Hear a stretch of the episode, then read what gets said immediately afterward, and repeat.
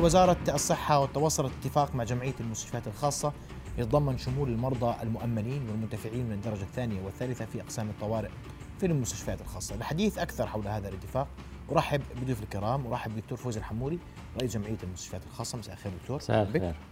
أرحب أيضا برئيس لجنة الصحة النيابية الدكتور فريد حداد. مساء الخير أهلا وسهلا مساء الخير. وأرحب أيضا برئيس لجنة الصحة في المركز الوطني لحقوق الإنسان الدكتور إبراهيم الدور. دكتور إبراهيم مساء الخير. مساء الخير أهلا بك. رؤيا بودكاست. سأستعرض الاتفاقية فقط أو ما وردنا حول الاتفاق مع رئيس جمعية المستشفيات الخاصة وراح أسمع تعليقك دكتور فوزي على هذا الاتفاق. اتفاق يقضي بأنه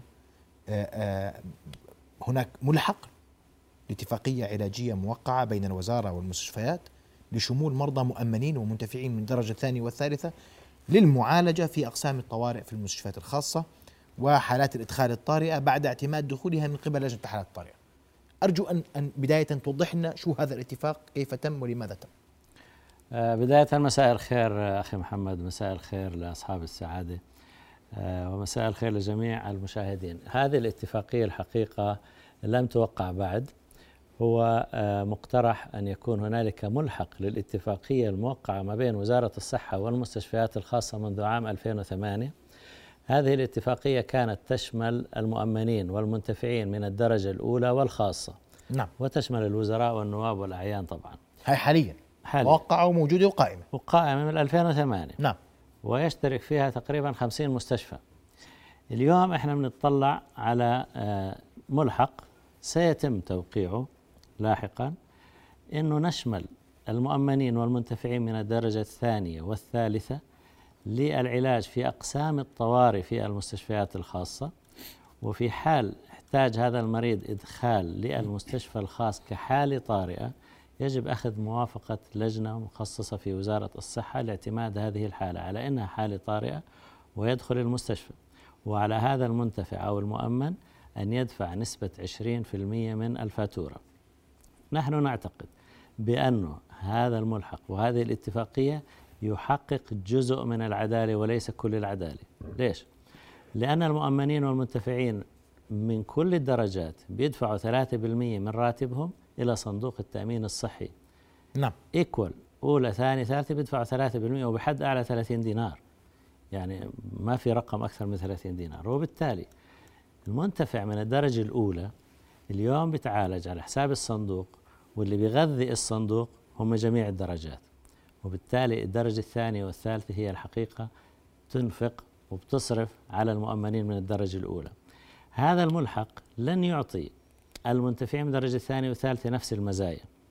المؤمن من الدرجة الأولى بيدخل حالة طارئة أو غير طارئة. وبالتالي لو حالة مزمنة لو أي حالة ولادة أي شيء بيدخل بدون موافقات. نعم. لكن هذول الفئة الثانية والثالثة إحنا بدنا نعطيهم جزء من الامتيازات فقط للحالات الطارئة وبالتالي أنا بعتقد فيها تحقيق جزء من العدالة ما بين جميع المنتفعين وأنا بعتقد أنه هذا الشيء في الاتجاه الصحيح جميل. ويخفف من الضغط على أقسام الطوارئ في المستشفيات الحكومية اللي كلياتنا بنعرف وبنشهد الأعداد الكبيرة اللي بتراجع هذه الأقسام وأحيانا بينتج مشاكل واعتداء على الأطباء بسبب الازدحام وهم الله يعطيهم العافية كوادر وزارة الصحة مش مقصرين لكن الأعداد كبيرة جدا أسمع رأيك دكتور فريد بما سمعت اولا الله يمسيكم بالخير جميعا وأنا يعني كثير مبسوط أكون مع الإخوان لكن كنت أتمنى طالما الشأن هو قرار للوزارة وقرار للتأمين الصحي أن تكون الوزارة موجودة وهي التي ستأخذ القرار وتعقد الاتفاقيه وهذا الإيضاح الوزارة لم تمانع المشاركة لكن ذكرت أن الموضوع كما ذكر الدكتور فوزي لم يوقع بعد نعم. يبحث آه وعليه عندما نعم. يتم بحثه نعم. وإقراره سيتم يعني سيكون في حلقة خاصة في هذا نعم نعم. اولا اولا يا سيدي العزيز هو الموضوع لم يقر وأنا أعتقد يعني آمل أن لا يكون تسويق لقضية معينة وآمل أيضا أن لا يكون وضع الأمور أمام إنه المجلس النواب أو جهة معينة تعارض. لكن أنا الآن بحب يعني بهالمناسبة بحضور أخي الدكتور فوزي رئيس لجنة جمعية المستشفيات الخاصة أني أول شيء أحييه وأشكره على الجهود اللي قدمها القطاع الخاص باتجاه اهلنا وشعبنا في ظرف كورونا ونحن نتابع كل الأمور بشكل جيد وكثير من المستشفيات تشابكت في عملها مع وزارة الصحة وقدمت وهنالك اتفاقيات داخلية ولكن يعني أحب أن أعرج على هذا الموضوع من زاوية معينة. تحدث أخونا الدكتور فوزي بانه الدرجة الأولى والخاصة لها ميزات معينة هذا صحيح وأنا بتابع الأمور ولدي أيضا ملاحظات وسؤال نيابي وجه للوزارة سابقا وتم مناقشته تحت القبة. كثير من مع الاحترام كل خصوصيات القدسية العملية الطبية والعلاجية. كثير من التجاوزات أيضا داخل هذه المجموعة رصدت وتم عليها التحفظ وتم الإشارة فيها ولن نخوض في تفاصيلها إلا إذا أردت. سأعطي التفاصيل التفاصيل في هذا الموضوع. وأنا لدي ما يعني يعني كان في يعني كيف تطبق الاتفاقيات داخل بند الدرجة الأولى والثانية؟ الآن لما نتحدث عن 20% بالأولى والخاصة قبل ما نتحدث عن الثانية والثالثة الأولى والخاصة اليوم من ال 20% هو بدفعها المريض الذي لا يدخل إلى المستشفى. يعني إذا إجا على العيادة أو إجا على الطوارئ بدفع 20% من اللي لازم التزامه الدرجة الأولى وليس الأولى العليا. الدرجة الأولى بدفع 20% وبالتالي معنى أن يدفع 20% إذا أدخل على المستشفى أنا أعتقد أنه راح أيد الدكتور فوزي إذا أدخل على المستشفى بتم إعفائه من هل هذا بالاتفاقية أو ليس بالاتفاقية؟ هذا ما كان يصير وأنا شخصيا صار معي أنا كإنسان مؤمن في الدرجة الأولى. الآن تأمين النواب درجة أولى. آه بناء على هذا الكلام يعني آه كثير من الأمور كانت تصاغ تصاغ وهذا نوقش في لجنة الصحة والبيئة النيابية مع وزارة الصحة. تمت مناقشة التجاوزات اللي بتصير من بعض وليس كل ونحن أولا وأخيرا نحيي القطاع الخاص ونحن آه مع نظرية أن تتشابك القطاع الخاص مع القطاع العام طيب. في كل الجوانب لكن ما يعنينا بالموضوع اليوم بدنا ننتقل للدرجة الثانية والثالثة.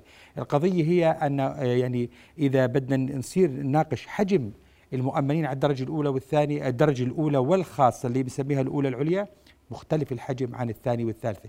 حجم المرضى المؤمنين بين الفئتين هذول مليون وثلاثمائة ألف مؤمن.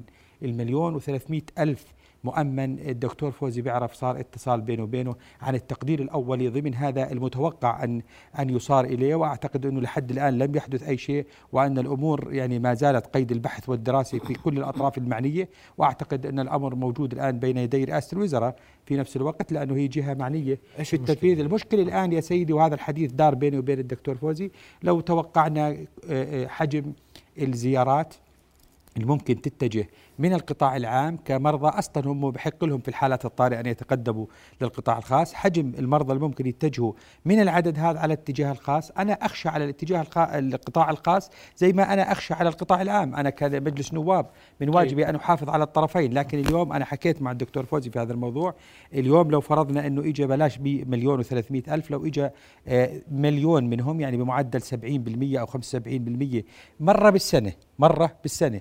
وقدرنا حجم الدفع لكل آه، من المؤمنين على هذه الفئة. أعتقد سنصل إلى رقم يتراوح بين 50 إلى 70 مليون سنوي. إذا أخذنا الأرقام الأحجام الموجودة بالإضافة أنه داخل محتوى هذه الاتفاقية اللي إحنا بنحكي عنها كمشروع اتفاقية وليست اتفاقية اليوم في أشياء تكلف على الموجود داخل هذه المجموعة. داخل هذه المجموعة في 20% لو فرضنا أن الاتفاقية المزمع كان أنه تتفق بدها تدفع 75% الحد الأعلى مقابل ال 75% بده يكون 25 دينار على المواطن. اليوم هذا السؤال هل المواطن بيقدر اللي مأمن درجة ثالثة عامل وطن أو أبصر بيقدر يدفع ال 25 دينار أو ال 20 دينار جزء من هذا السقف الأعلى من الاستحقاقات؟ ما في مريض بيدخل على الطوارئ إلا بيعمل CBC و chemistry وصورة أشعة بمختلف الأمراض وبالتالي ال 50 60 70 دينار حاصلات حاصلات بالمقابل بده يدفع نسبته. إذا في استحقاق على المواطن. الاستحقاق هل ممكن نتجاوزه لا سمح الله أن تحدث تجاوزات. إحنا دائما نتأمل أن لا تحدث تجاوزات. العشرين بالمية اللي على المواطن يعني هل يصبح الحل فيها أن يدخل المستشفى إذا كان عنده يعني آه، ظرف أقوى من أن يكون ظرف طارئ عادي ويروح المريض؟ وهل ممكن مثلا نغطيه إحنا بأمور أخرى؟ هاي أمور لا يمكن ضبطها على أعداد ضخمه زي هاي. هذا اولا. والأمر الثاني والمهم يا سيدي إحنا بالأردن ليس فقط يعني عمان هي عاصمتنا وفي قلب كل أردني لكن اليوم إحنا بنحكي عن مملكة. هل البادية الشمالية الجنوبية الوسطى فيها قطاع خاص؟ لا. الطفيلة؟ لا. الكرك؟ مستشفى واحد. الأغوار؟ كلها ما فيها أي قطاع خاص. جرش وعجلون ما فيها. يعني معظم مواقع المملكة باستثناء إرب- إربد وعمان والزرقاء ما فيها قطاع خاص. فأنت لما بنحكي عن عدالة برضو عدالة الناس الموجودة بالمناطق هل هي قادرة تصل إلى مستوى المستشفى؟ كويس. واضح الملاحظه تمام. وحرجع لك دكتور فوزي أسمع تعقيبك عليها لكن أسمع رأيك دكتور إبراهيم صحيح. في هذا الموضوع. مساء الخير أستاذ محمد مساء الخير لل- بالنسبة للزملاء يعني أعتقد هذا الموضوع يجب أن نطلع له بزاوية شمولية وليس زاوية يمكن من زاوية معينة. أنا بطلع على الموضوع من زاويتين أكون معك صريح. أول زاوية يمكن اللي حكاها الدكتور آه، بالنسبة لفريد أول ما بلش فيها. أنا أعتقد الآن إحنا بنحكي على الدرجة الأولى مؤمنين. هسا لما بتحكي بدك بدك تروح على الدرجة الثانية والثالثه أنا أعتقد عدد هائل من المرضى راح يروحوا باتجاه القطاع الخاص. هسا قديش عددهم من المليون و300 5% 10% 2% 7% ما بعرف. ولكن في إحصائية عامة بتحكي كالتالي إنه 25% من المؤمنين في القطاع الحكومي بتعالجوا على حسابهم في القطاع الخاص. لذلك أنا أتوقع على الرقم قياسا على الرقم هذا. ممكن يكون عن 20 25% المؤمنين اللي هم حسابهم أصلا ومؤمنين في القطاع الصحي. ممكن يستغل هذه النقطة ويذهب على القطاع الخاص. هاي نقطة؟ النقطة الثانية أستاذي أنا أعتقد الآن إذا بدك تروح على أي بدك تسوي شفت بدك تسحب عدد مرضى موجودين وبدك هاي ال- بالنسبة للناس على كل ألف دينار بده يدفع بس 200 دينار. ولكن ال 800 دينار من وين بده يتاخذن؟ راح يتاخذن من صندوق التأمين الصحي صحيح. اللي هو صندوق التأمين الصحي اللي مشارك فيه الجميع الأولى والثانية والثالثة. هاي عبارة عن نقطة. فهذا الصندوق مشكلته وين؟ مشكلته أول ناس راح يتضرروا فيهم وزارة الصحة. أطباء وزارة الصحة ممرضين وزارة الصحة اللي بيأخذوا حوافز. هذا صندوق التأمين كان يغطيهم في حوافز. هاي أول نقطة المكان الثاني راح يتأثر أعتقد بالمستشفيات الجامعية بشكل رئيسي. المستشفيات الجامعية الآن هذا الخط مفتوح لها اللي هو ال 20% اللي بروح مؤمن درجة ثانية وثالثة بروح على المستشفيات الجامعية اللي هي المستشفيين الرئيسيين بدفع 20% وبتعالج فيها. لذلك أنا أعتقد هسه بدي أدخل القطاع الخاص منافس للمستشفيات الجامعية. فأعتقد راح ينسحب كمية كبيرة من المرضى اللي بروحوا على المستشفيات الجامعية واللي وزارة الصحة بتغطيهم. يعني بتدفع وزارة الصحة يمكن لهم مليون 10 مليون 50 مليون ما بعرف قديش الرقم اللي بيندفع. ولكن هذا راح يصير شفت المستشفيات الجامعية. هاي الجهة الثانية راح تتأثر. الجهة الثالثة راح تتأثر كمان الخدمات الطبية. الخدمات الطبية في لها تحويلات بتروح كمان من وزارة الصحة وبتعالج هناك في الخدمات الطبية وهذا سوف يؤثر على حوافز الأطباء. لذلك أنا أعتقد ممكن يصير في عندنا ثلاث مشاكل من النقطة هاي اللي هي بالنسبة على المادية. في وزارة الصحة اثنين في الخدمات الطبية. مستشفيات الجامعية أعتقد أكثر شيء ممكن راح يتأثر من النقطة هاي. وأنت بتعرف وأنت عارف بصراحة وزارة الصحة والأطباء اللي فيها وفي الخدمات الطبية وفي المستشفيات الجامعية أعتقد بيعانوا من هاي النقطة. هاي النقطة ال- الأولى اللي بدي أحكيها الأساسية. هسا النقطة ال- بالنسبة الإيجابية بدي أحكي الإيجابيات الموجودة في هذا القرار. الآن الإيجابيات في النقطة هاي أنا أعتقد ممكن تخفف على المريض. أنا أعتقد أكثر ناس مستفيدين من هاي الاتفاقية هم جهتين. المواطن بشكل رئيسي أكون معك صريح راح يأخذ خدمة طبية أفضل خلينا نحكي لنا ولا علينا وأيضا القطاع الخاص. راح يصير شفت من الفلوس هذول على القطاع الخاص. هاي نقطة كثير مهمة. ولكن أعتقد هؤلاء الأشخاص اللي بدنا نروح إن نوديهم لهناك وبدنا نعطيهم الفرصة هاي أنا أعتقد يعني لازم يكون في عندك بنفس الوقت بدك تودي للقطاع الخاص لازم تحسن كمان القطاع العام. الآن الفكرة العامة اكون معك صريح القطاع العام شو بيحكي؟ بقول لك هذه خصخصة لوزارة الصحة هذه خصخصة هذا الحكي اللي بنحكى العام يمكن الكل بيسمع على السوشيال ميديا والمواقع الناس. بتقول لك هذه أول خطوة لخصخصة القطاع العام.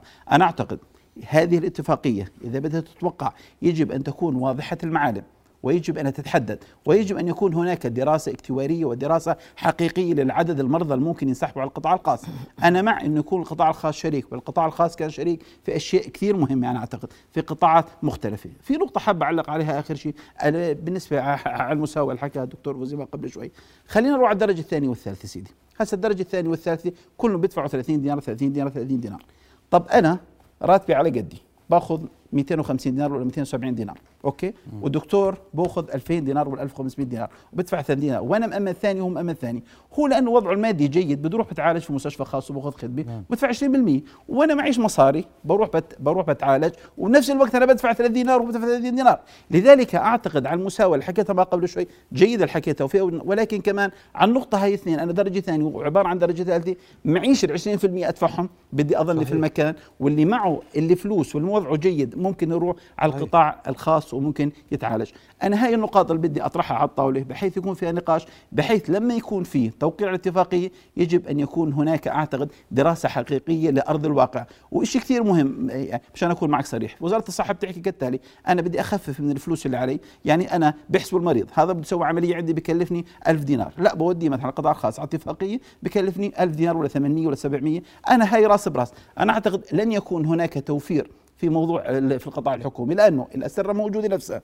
واحد ال- ب- ب- بالنسبة على الكهرباء موجودة نفسها ال staff موجود نفسه الرواتب بتدفع للاطباء نفسها ال- ال- الرواتب بتدفع على التمريض عبارة عن نفسها. أنا أعتقد الفلوس اللي راح تنصرف على القطاع الصحي راح تظلها نفسها لن تتغير وأعتقد راح يكون في ضغط مالي في لحظة معينة بحيث تغطي 80% اللي بدها تروح للقطاع الخاص. أسمع تعقيب دكتور فوزي على ما اورد الدكتور إبراهيم. ماشي دكتور. فريد. آه،. نقاش آه، ما في شك إنه نقاط في غاية الأهمية وأعتقد إنه خلال إعداد الملحق لابد من مراعاة النقاط اللي ذكروها الإخوان. آه، بداية إحنا تكلمنا إنه مليون وثلاثمائة مؤمن درجة ثانية وثالثة ما حييجوا ولا جزء حتى ولا 5% ولا 10% منهم للسبب اللي ذكره الدكتور إبراهيم لأنه هو عارف إنه في عليه نسبة تحمل 20% هذا واحد. اثنين إحنا حددنا فقط للحالات الطارئة وبالتالي استثنيت كل الحالات غير الطارئة اللي هي بتشكل البلك أو الماجوريتي من الحالات اللي بتيجي على القطاع الخاص طيب إذا إحنا بدنا نطلع الكلفة. أنا بدي أعطيك رقم وفيك تحكم بناء عليه. مؤمنين الدرجة الأولى والخاصة والعليا والوزراء والنواب والأعيان اللي بيتعالجوا في خمسين مستشفى في الأردن خمسين مستشفى خاص بالأردن في الواحد وعشرين كلفوا الدولة 13 مليون. عددهم 200 ألف شخص. وهذول بيتعالجوا المؤمنون درجة خاصة أولى وعليا وعليا نواب وأعيان نواب ووزراء. وأعيان ووزراء في عام 2021 كلفوا 13 13 مليون دينار. في 50 مستشفى خاص 50 عددهم مستشفى 200 ألف. شخص. عددهم 200 ألف شخص. وهذول طبعا إذا بتطلع على فئة النواب والوزراء والأعيان هذول مو بس إنه بيدخل المستشفى وبيجي طوارئ. لا بيجي بيعمل فحوصات وباخذ أدوية المزمنة اللي هي الأدوية الشهرية باخذها من المستشفيات الخاصة. طيب إذا هذول 200 ألف بأخذوا كل الخدمات بجميع أنواعها كلفوا 13 مليون المليون و300 اللي بس حالات طارئة وعندهم هذا التقييد إنه مش قادر يدفع ال 20% زي ما حكى الدكتور إبراهيم قديش تتوقع ممكن يكلفوا؟ أنا ما عندي جواب لكن أنا أتوقع إنه مش حيكون رقم كبير. قديش تتوقع دكتور؟ صراحة ما عندي رقم أعطيني رقم عشان أعطيك جواب أنا هلا عليه أنا أنا بعتقد عندي شهر ارقام 15 أنا مفروض. بعت أنا أنا أنا بعتقد إنه الوزارة ممكن تكون عاملة دراسة ما عندي آه. رقم لكن إذا أنا إذا بدي أ- أتوقع قد تقدر نعم. مش حيكون مثل الرقم اللي الآن ينفق على الدرجة الأولى. يعني أقل من 13 أقل من 13 مليون دينار طيب. أبداً. طيب هلا بس ما خلينا بس أكمل نقاط ثانية. تفضل. آه، آه، دكتور فريد قال بعض المحافظات ما ما في. فيهاش زي البادي والأغوار وهذا صحيح. لكن المستشفيات الخاصة موجودة في المحافظات اللي فيها كثافة سكانية. عمان إربد كرك الزرقاء العقبة مادبة هذه كلها فيها مستشفيات خاصة. لو كان في كثافة سكانية في محافظات أخرى أساسا المستشفيات الخاصة تبحث وين في مرضى؟ تستثمر. يعني لو بكرة مثلا صار في مجال أو في حاجة إنه نفتح في في الأغوار بنفتح بالأغوار ما عندنا مشكلة. وبالتالي أنت اليوم في عندك 70 مستشفى خاص.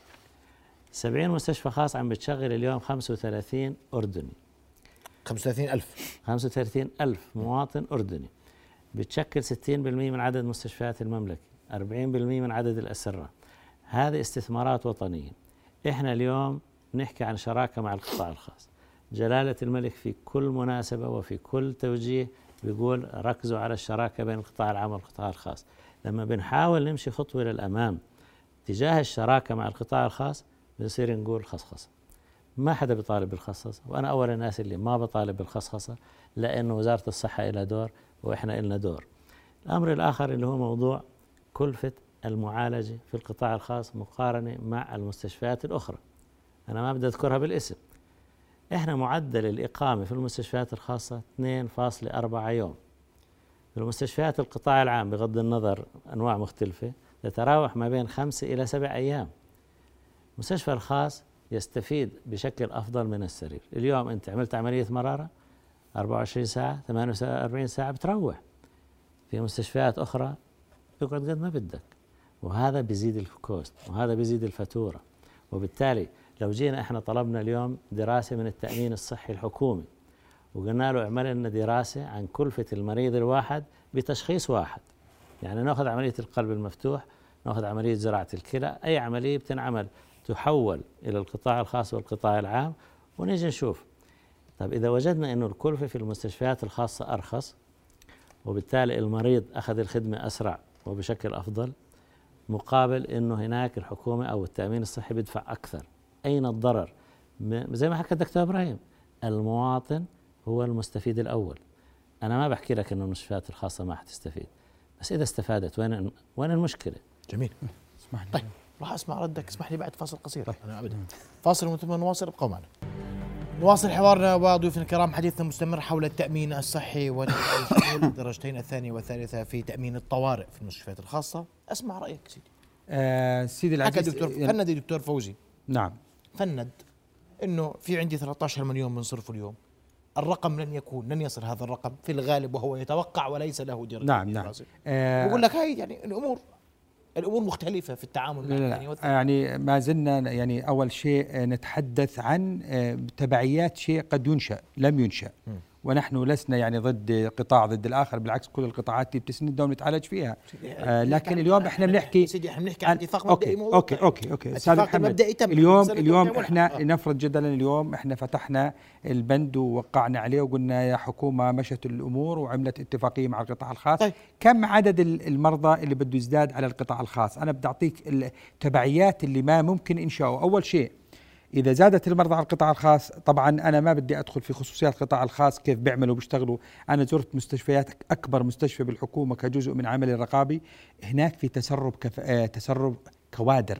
اليوم لما أنت بدك تفتح على القطاع الخاص عدد مليون وربع مؤمن يش يجي على القطاع الخاص الحجم العمل اللي عليهم يستدعي آه، كوادر زيادة. الآن في ضغوط على كثير من الكوادر واحدة منهم التمريض وكثير من تمريض الحكومة بيعمل في القطاع الخاص والقطاع العام. اليوم إذا زاد العمل بالقطاع الخاص راح تعمل شيفتنج للكوادر من مستشفيات القطاع العام للقطاع الخاص. هذا أمر متوقع جدا. الأمر الثاني يا سيدي العزيز اليوم أنا بدي أعطيك أرقام يا أستاذ محمد. حجم الديون على التأمين الصحي الشامل كم؟ يفوق النصف مليار.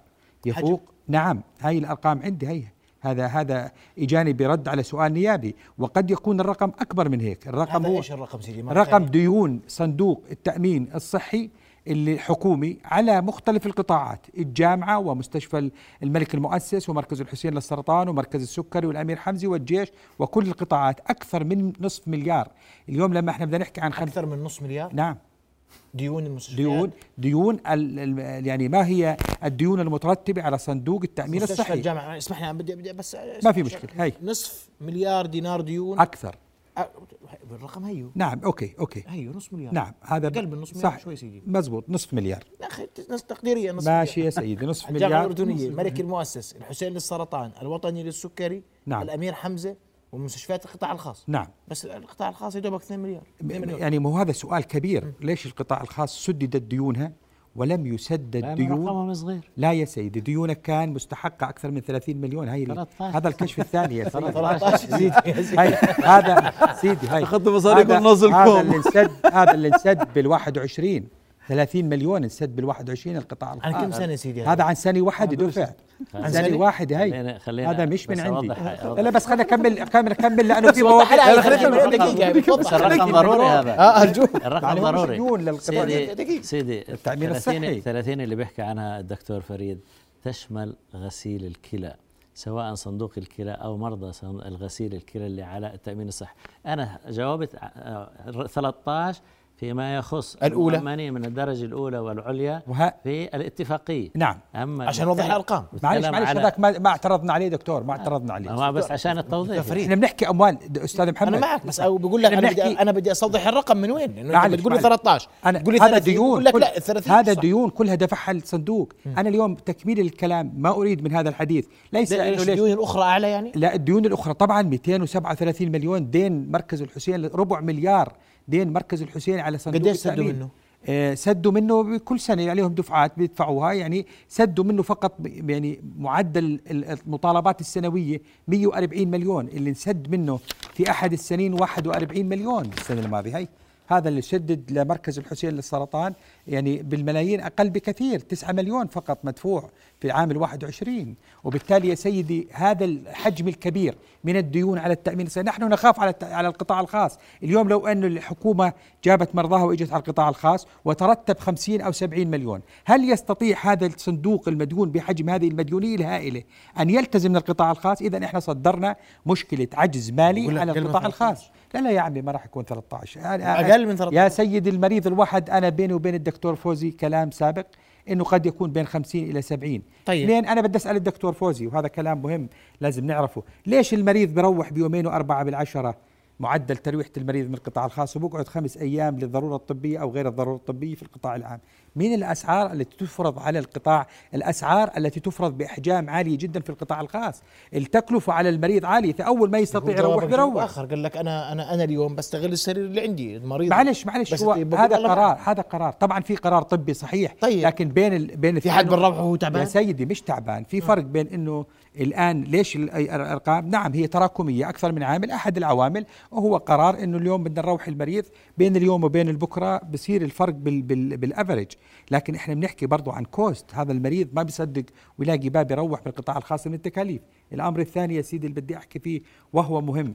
آه بنتحدث إذا ما قدرت الحكومة تدفع للقطاع الخاص إحنا بنصدر مشكلة كبيرة على القطاع الخاص. اليوم القطاع العام أو مستشفيات الجامعة أو المستشفى الملك عبد الله المؤسس عليه ديون على التأمين الصحي الشامل بيتفاوضوا الحكومة على مقاصة بحيث تدفع له نسبة معينة والباقي تسامحوا فيه. هل يستطيع؟ الملك المؤسس؟ الملك المؤسس 68 مليون. والجامعة الأردنية 100 الجامعة الأردنية يا سيدي العزيز الجامعة الأردنية 124 مليون. الآن مش قادرين يعملوا فحوصات لمرضاهم. اليوم إحنا بدنا نصدر العجز لصندوق التأمين الصحي نصدر المشكلة على كل الناس. الأجدر إذا بدنا ندخل في التشاركية بين القطاع الخاص والقطاع العام يا سيدي العزيز أن نؤهل القطاع العام لدرجة أن ينافس القطاعات وبالتالي بصير الحركة انسيابية سهلة. اليوم ما فيش طبيب قلب بيعمل كاث بالكرك في القطاع الخاص بمستشفى خاص بالكرك بإربد بالزرقاء بيروح بسهولة ما في ريستريكشن أما أما أن يصار من A to Z أن نفتح على لا يستطيع التأمين الصحي بعد سنة يدفع لمستشفيات القطاع الخاص والأهم من ذلك هنالك تجاوزات. بمعنى التجاوزات داخل الحركة المرضى من القطاع العام وإلى القطاع الخاص. وهذا ليس فقط شو تجاوزات؟ يا سيدي التجاوزات آه اليوم اجى المريض والله ما في لك موعد عملية عملية ليست هوت يعني مش بدها تنعمل بنفس اليوم أو ثاني يوم بترجع بالله بعد ست أشهر موعدك. لا أنا بوديك على الدكتور إبراهيم الأسبوع الجاي بتعملها بالمستشفى الفلاني بعمل لك إياه وأبصر شو بصير يعني. هذا بصير. أنت بصير ولا ما بصير يا دكتور؟ أنا ساكت أنا ساكت أنا هزيت ولا أنا بدي إجاوب. أنا إبراهيم. قولي أو لا عندي نقاط. بصير. ولا ما بصير. لا لا بصير. سيدي بصير. 100% والتجاوزات في إدخال المريض لإلغاء ال 20% موجودة. والأهم من ذلك يا سيدي هل يا دكتور فوزي عندك قدرة إذا كنت أنت بدك تعالج الدرجة الثانية والثالثة تفتح مستشفى خاص بالطفيله اسمه المستشفى التخصصي تابع لمستشفى التخصصي بعمان؟ إذا, إذا بدك العدالة اللي إذا كانت عنها. الحاجة إذا الآن الآن هل تستطيع فتح أنا مستشفى؟ أنا جاوب جاوبت على السؤال طيب. إذا كان في حاجة يعني بس فقط الآن الحكومة بتقدم للمريض سواء ربحت أو ما ربحت هي لا تربح تقدم خدمة وهذا واجبها بالدستور. اليوم إذا كان المستشفى ما بيربح بالطفيلة ما بنفتح مستشفى في حاجة لمستشفى الطفيلة؟ يا سيدي الآن بيعملوا في مستشفى حكومي. إيه الآن الآن هذا الكلام ينساق. إذا كان مريض عمان بده يروح على القطاع الخاص حتى يتعالج بالقطاع الخاص لأنه لأسباب قريب أو بعيد أو كذا الأجدر الملايين هاي اللي موجودة ودفعت هاب هازاردلي ليس لأولويات الطب والعلاج. الأجدر أن يكون في بنية تحتية حقيقية طيب. للمستشفيات. اسمع يا دكتور. طيب يعني بصراحة النقاش شوي احتدم وفي لا يا سيدي أنا, أنا بأخر مختلفة. لا لا بالعكس الطاوله هاي. هاي الطاولة بتستحمل كل الافكار وهذا طبعا. الإيجابي في هذه بالنسبة للحلقة بالذات في الحلقات دائما في برؤية المرضى البلد.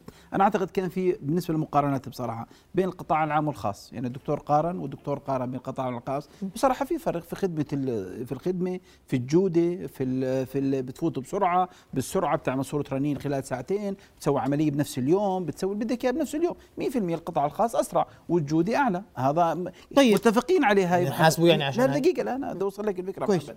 أنا أعتقد إذا بدنا إذا بدنا نحط النقطة هاي 100% القطاع الخاص في خدمة أعلى وجوده أعلى؟ لذلك اللي حكينا ما قبل شوي. ممكن يصير في عندنا إحنا إذا إذا حطينا الدرجة الثانية والثالثه ممكن يصير في shift للمرضى. وأقول لك ال shift مش للمرضى للكوادر. كوادر نعم. الأطباء عذرا الكلمة هسه قاعد في وزارة نعم. الصحة نعم. أنت بتأخذ مع حوافزك مبلغ معين 1000 دينار على فرض okay؟ بكرة إذا الصندوق خف المصاري والمصاري راح ت shift صحيح. لأن 80% لمكان آخر بصير يأخذ بدل ال 1000 باخذ 500 ولا 600 بقول لك أنا شو مقعدني أنا بدي أروح على القطاع الخاص. بترك القطاع العام إن كنت طبيب أخصائي وإن كنت ممرض professional وإذا كنت واحد بال ICU ممتاز بترك القطاع هذا وبروح على القطاع الصح بروح على القطاع الخاص لأنه هناك أنا بطلع فلوس أحسن بفتح عياده والمرضى بيزيدوا فأنت بتسوي shift للموضوع كلياته.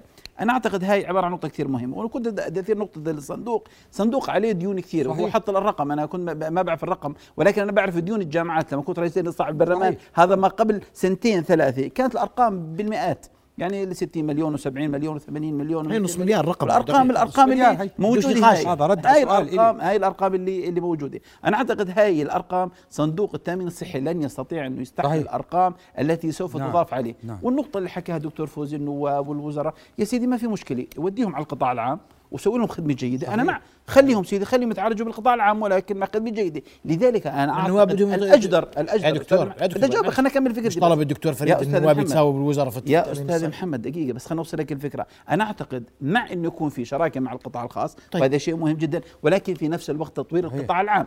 والنقطة الأهم والنقطه ما أنا يا دكتور، اكمل دقيقة. فكرتي يا أستاذ ما محمد دكتور فوزي قال لكم عباره واحدة أنا اليوم ما بدي أعمل ما شر- حكينا سيدي، صح دكتور فوزي بقول لك أنا اليوم بدي أفتح باب شراكة من بدي أقول لك على الشراكة أنا جايك فيه. هي أنا يا أستاذ محمد. أول شيء أنا أعتقد الشراكة يجب أن تكون في القطاع العام مع بعضه أول شيء.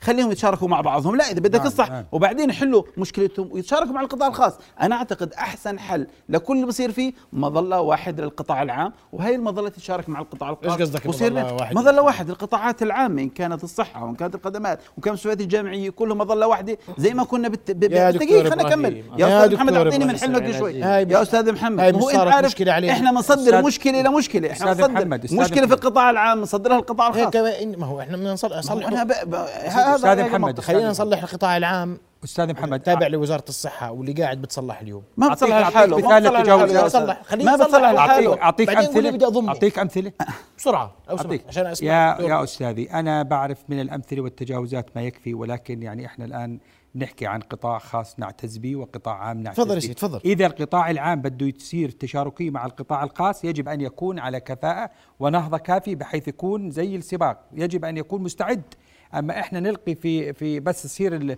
القطاع العام بس عبارة عن حصالة بتدفع على المرضى في القطاع الخاص وفي القطاعات الأخرى حتى الحكومي والجامعي وغيره هذا معناته إحنا ما راح نفتح الباب أمام التطور بالقطاع العام.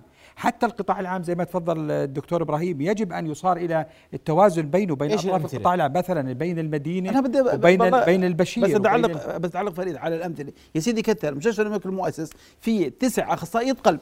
الشمال كله المستشفيات الحكومية ما فيها ولا اخصائي قلب يا سيدي القطاع العام الموجود خليهم يغطوا مع بعض خليهم يغطوا. مداني أنا بدفع فلوس هون بدفع فلوس هون. خلي طبيب القلب اللي بدفع له أنا أنا هي الفكرة اللي بنحكي فيها. والتشاركية مع القطاع الخاص شيء مهم جدا يجب البناء عليه. دكتور فوزي تعقيب أخير لأنه وقت انتهى. تفضل. يا سيدي إحنا آه، التأمين الصحي الشامل حلم كل الأردنيين. صحيح. صح؟ صحيح. وإحنا بنفكر اليوم إنه بدنا نضيف 30% من الأردنيين بالتأمين الصحي الشامل، يعني فوق الموجودين بدنا نضيف 2 مليون مواطن. هل تعتقد إذا بكرة صدر قرار بإضافة تأمين صحي شامل 2 مليون مستشفيات وزارة الصحة والقطاع العام تستوعبهم؟ نو no واي. وبالتالي ما عندك بديل إلا تستعين بالقطاع الخاص. الأمر الآخر الدكتور فريد قال ديون 500 مليون صحيح. دينار. نعم قال لك للقطاع الخاص 2 مليون 13 مليون خليهم 30 مليون أنت عم بتعالج 200 ألف شخص وديونك يعني دكتور. لا تشكل لا تشكل 5% 2 مليون مقابل 124 مليون لمستشفى جامعي لم يسد منهم شيء. ليش راسي. انسدت الفلوس؟ طيب ليش- والمستشفى الجامعي يترنح ليش- أمام ديونه؟ نترجى الحكومة لسداد ليش ديونه. ليش ديون مستشفى واحد 124 مليون؟ لأنه لأنهم ما بيسدوا. لأنه أنتم ما بتسامحوا بتأخذوا فلوس يا راسا وإلا. بتوقفوا الخدمة؟ ال- المستشفى الجامعي لا يقبل بأنه يوقف خدمته تحت أمر الحكومة. أنتم بتقولوا بطلنا نعالج إذا ما دفعت إحنا ما ولذلك إذا ما دفع لك بعد سنة شو بتعمل بالحكومة؟ بال... عمرنا وقفنا اتفاق لا يا سيدي، مع الوزارة أنا ب- 2008 من 2008 الاتفاقية سارية المفعول 14 سنة لم تعدل.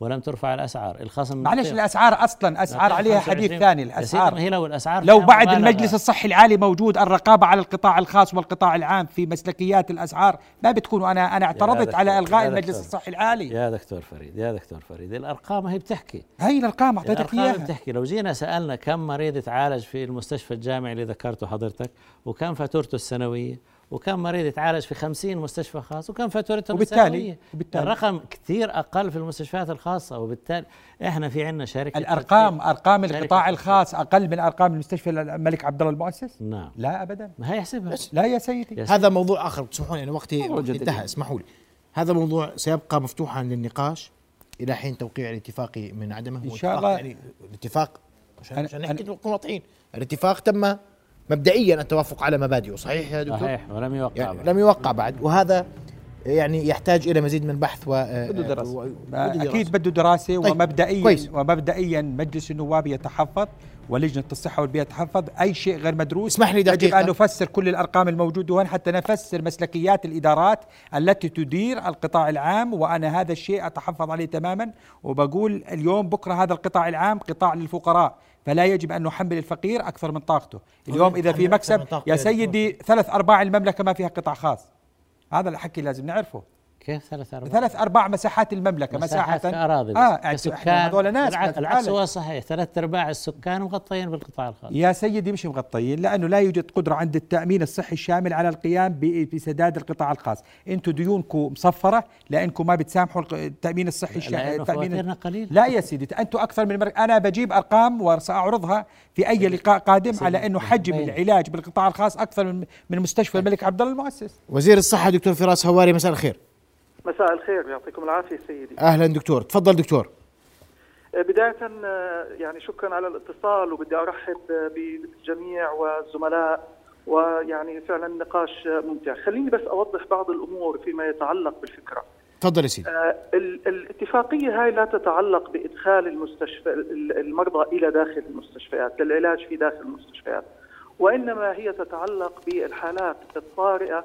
يعني إحنا بنعرف إنه حوالي 70% من اللي بيزوروا الطوارئ بشكل عام آه، لا يحتاجوا لزيارة الطوارئ لكن المريض بيختار إنه يروح للطوارئ للسرعة آه، فمعظم الحالات اللي راح تكون هي حالات آه، اللي بتحتاج طوارئ فقط بروح بعدها المريض على بيته. فيما يتعلق دخول المستشفيات اليوم إحنا القانون يسمح حتى للفئة الثانية والثالثة عند ذهابها إلى المستشفى الخاص في حالة طارئة إنها تدخل إلى المستشفى يسمح لها القانون هذا ويتم علاجها بشرط إنه يتم تبليغ آه، آه، آه، عن الحالة الطارئة في خلال 24 ساعة. نعم. فهذا الأمر موجود. فلذلك اليوم هذه الاتفاقية لا تبحث الدخول إلى المستشفيات وإنما فقط العلاج في أقسام الطوارئ. يعني واحد صار عنده ارتفاع مفاجئ اعتلال في الجهاز الهضمي جرح قطعي مثلا بده نعم. تخييط طيب. هذه الأمور آه، بس بس آه، براحتك دكتور، تفضل. على الأرقام تفضل آه، سيدي طبعا إحنا تمت الموضوع هذا بيتم بدراسة أكيد يعني ما بيتم بطريقة عشوائية ومثل ما تفضل الدكتور إبراهيم الحجم المقدر للأعداد اللي ممكن إنها تزور الطوارئ هي حوالي 20 إلى 25% آه، طبعا إحنا كمان عندنا كلف العلاج في المستشفيات الخاصة للحالات الطارئة اللي بتختص بهذا الأمر واللي هي كم فواتيرها وكل هذه الأرقام حسبت ومثل ما تفضل الدكتور فوزي رح يكون المبلغ أقل بكثير من المبلغ اللي آه، يكلف الآن الفئه الأولى. الهدف اليوم من كل هذا الأمر تحقيق العدالة، تحقيق التوازن. تأهيل القطاع العام هو مثل ما تفضلت آه، أخي محمد إحنا ماشيين فيه والكل يعلم إنه إحنا افتتحنا آه، مستشفيات الجراحة التخصصية واستعنا مثل ما طلب الدكتور فريد بأخصائيين في القطاع الخاص حتى تنهض هذه المستشفيات وربطناها ببرامج تعليمية. يعني اليوم أعلنا إحنا خلال الأسبوعين الماضيات عن أول برنامج للتخصص في جراحة الصدر، هناك اليوم جراحة القلب وجراحة ال- الأوعية الدموية. ومثل ما طلب الدكتور فريد أيضا عندنا إحنا أخصائي للقلب تم التفاوض معه حتى يذهب إلى الكرك، فهذه الأفكار اللي وضعت ومطروحة اليوم كلها هي موجودة. آه، نعم. فلذلك أنا ما أريد أن أؤكد عليه. إنه الغرض من هذه الاتفاقية وأنا بعتقد القطاع الخاص ذكي بما فيه الكفاية إنه يعلم هل سيتم جذبه إلى مديونية كبيرة أم هو قادر على أن يحقق الفائدة أنا بعتقد القطاع الخاص قادر أن يقدر هذا الأمر واليوم إحنا الهدف منها حقيقة إيصال الرعاية الصحية بأسرع طريقة آه، والتعاون هذا حمل كبير يجب أن يحمله الجميع ونستمر حقيقة بالنهوض آه، في القطاع آه، نعم. الصحي. بدي أركز على نقطة إلغاء المجلس الصحي العالي، لم يتم إلغاء المجلس الصحي العالي والسبب حتى يتم الغائه يجب أن نذهب إلى مجلس النواب. فإحنا ما ذهبنا إلى مجلس النواب في إلغاء للمجلس الصحي العالي. سيكون. هناك دكتور تعديل فراس اسمعك سيدي على آليته وعمله وطريقة دكتور فراس الدكتور آه، فريد بيقول إنه بعد تدخل النواب تم وقف نعم، إلغاء. المجلس الصحي. لا نعم، سيدي لا لا. أنا القرار- تواصلت مع الديوان وتواصلت مع رئاسة الوزراء وأنا أعرف أنه كان لا- في يوجد. نية لإلغائه وحديثا تم تفعيله وتم المطالبة بالأموال وحكى معي مستشفيات القطاع الخاص يشكو من طلب فلوس وأنا وضحت لهم أنه هذه مستحقات للمجلس ال- ال- الصحي العالي ومجلس الصحي العالي من ثلاث في سنوات ملاحظة في المجلس لم تجمع. لم تجمع أمواله على الإطلاق هذا صح. والآن قاعدين بنطالب الثلاث سنوات تجمع. إلى الخلف يا سيدي لا أنا المجلس خليني بس أكون واضح إنه تفضل دكتور. الإلغاء حتى يكون إلغاء يجب أن تتقدم إلى مجلس النواب معروف آه، معروف هو هاي هاي العقبة اللي تقدم. اصطدم فيها المجلس الصحي العالي طيب. إلغاء ف- اصطدم فلذلك- النواب مستحقات دكتور فوزي اسمح لي دكتور فراس دفعتوا عليه، مستحقات سيدي نعم. ما دفعتوا. موجودة. متى دفعته دكتور؟ يا سيدي المجلس الصحي العالي تأسس من خلاله صندوق تأمين معروف معروف الطبية. المادة 17 بنتكلم- من قانون المساءلة نتكلم الطبية عنه اللي هي اشتراك في صندوق نعم. التأمين ضد الأخطاء الطبية الإجراءات والتعليمات حتى تنظم هذا الصندوق وأنه ينعمل آلية لاستلام الفلوس تأخرت بسبب جائحة كورونا هذا أمر مختلف بدأت المطالبة متأخر مختلف طيب. مختلف نعم دكتور فراس آه، ب- ب- أي ملاحظة أخرى وقت انتهى يعني أنا ارجوك بدي اكد إنه الموضوع هو ليس لدخول المستشفيات هو زيارة هي الطوارئ. فقط للطوارئ نعم 25% طيب. عدد أقل من الطوارئ. 13 مليون يا سيدي يا والكلفة يا طبعاً محمد أقل طالما أن 13 المريض 13. بالدرجة الثانية والثالثة يستطيع الذهاب بالحالة الطارئة على الطوارئ لماذا هو الملحق لماذا هو الملحق اذا كان بالاصل نتحدث- يستطيع الذهاب لا إلى لا لا الطوارئ لا مشمول سيدي لا، كان- مشمول ولكن وضع سقف الان وضع سقف وأنا ما بعرف الملحق شو كان بده ينكتب فيه لكن هذا الشيء هذا طيب. ما كان مسموح له دكتور فريد كيف كيف آه، يعني مسموح بدخل. بجيب تقرير هي بحكى انه بدخل لا، دخول.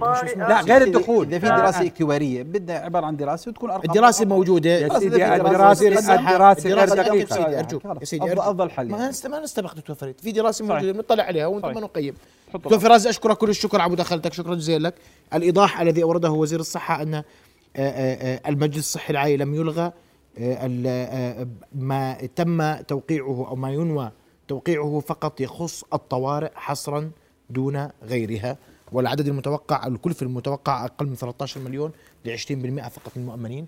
بدي أشكركم كل الشكر ضيوف الكرام. حياك الله. بس هذا الكلام اللي حكيته أستاذ محمد إحنا- ليس بالدقة الحقيقية لأنه هذا هذا الكلام الموضوع مفتوح. على أرض هاي الواقع ليس ليس ومتاح يا نعم. دكتور فريد طيب. وفي أي وقت نفتح هذا الملف دون يعني لا نتردد في ذلك. ابدا ما في. أشكركم كل الشكر. ضيوف الكرام. شرفتم أهلا وسهلا. رؤيا بودكاست